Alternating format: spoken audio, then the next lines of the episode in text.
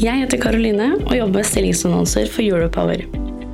Europower har mer enn 7000 abonnenter, og podkasten du nå lytter til, har mer enn 300 ukentlige lyttere.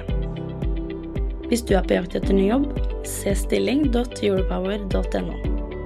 Ta også gjerne kontakt med meg dersom du ønsker å annonsere ledige IT-stillinger i fornybar energibransje.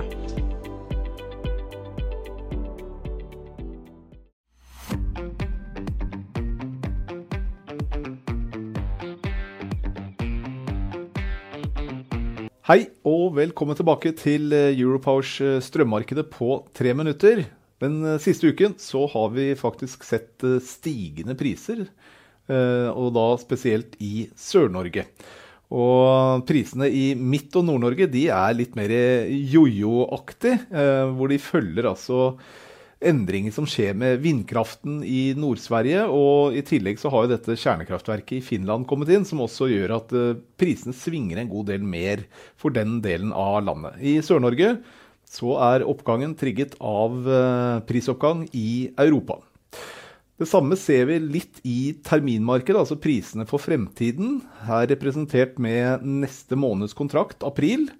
Uh, hvor sørnorske prisen har hatt en jevn stigning altså den siste par ukene, og faktisk kommet helt opp på nivå med den tyske terminprisen for uh, april.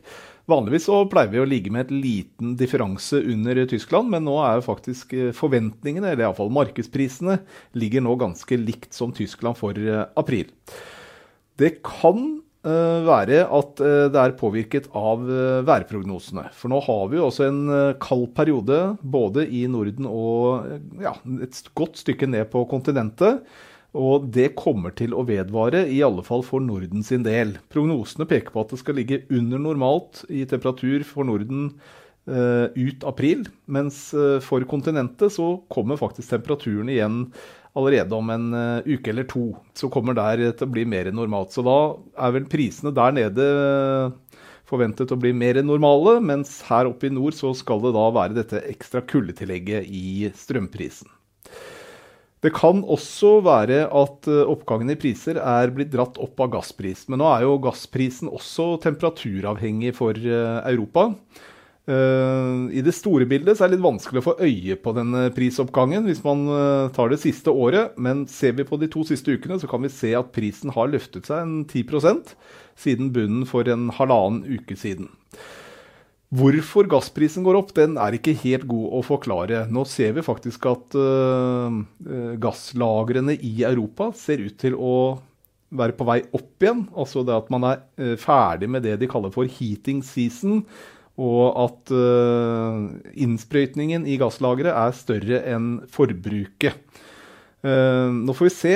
Hvis den stopper her, altså begynner å gå opp igjen, så er det faktisk det høyeste nivået uh, lagrene snur på. I alle fall de siste ti årene. Men skal vi tro råvareanalytiker Ole Valby i SEB Markets, så må vi kunne forvente faktisk mer enn 50% prisoppgang i gassprisen utover året. Og Det begrunner han med at eh, for at Europa skulle kunne ha nok gass på lager til neste vinter, så må eh, europeerne konkurrere i større grad med eh, gass fra Asia. Og Asiaterne har jo også blitt veldig betalingsvillige for denne flytende gassen som handles globalt. Og han mener at vi må opp i en 60-75 eh, euro på gassen for å ja, rett og slett få nok gass inn i, inn i lagrene.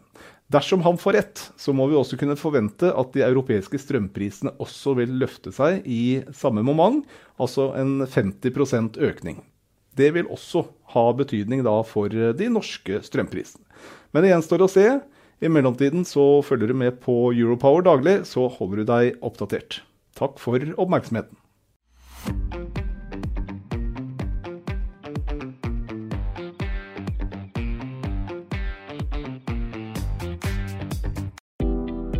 Jeg heter Karoline og jobber med stillingsannonser for Europower. Europower har mer enn 7000 abonnenter, og podkasten du nå lytter til, har mer enn 300 ukentlige lyttere. Hvis du er på jakt etter ny jobb, se stilling.europower.no. Ta også gjerne kontakt med meg dersom du ønsker å annonsere ledige IT-stillinger i fornybar energibransje.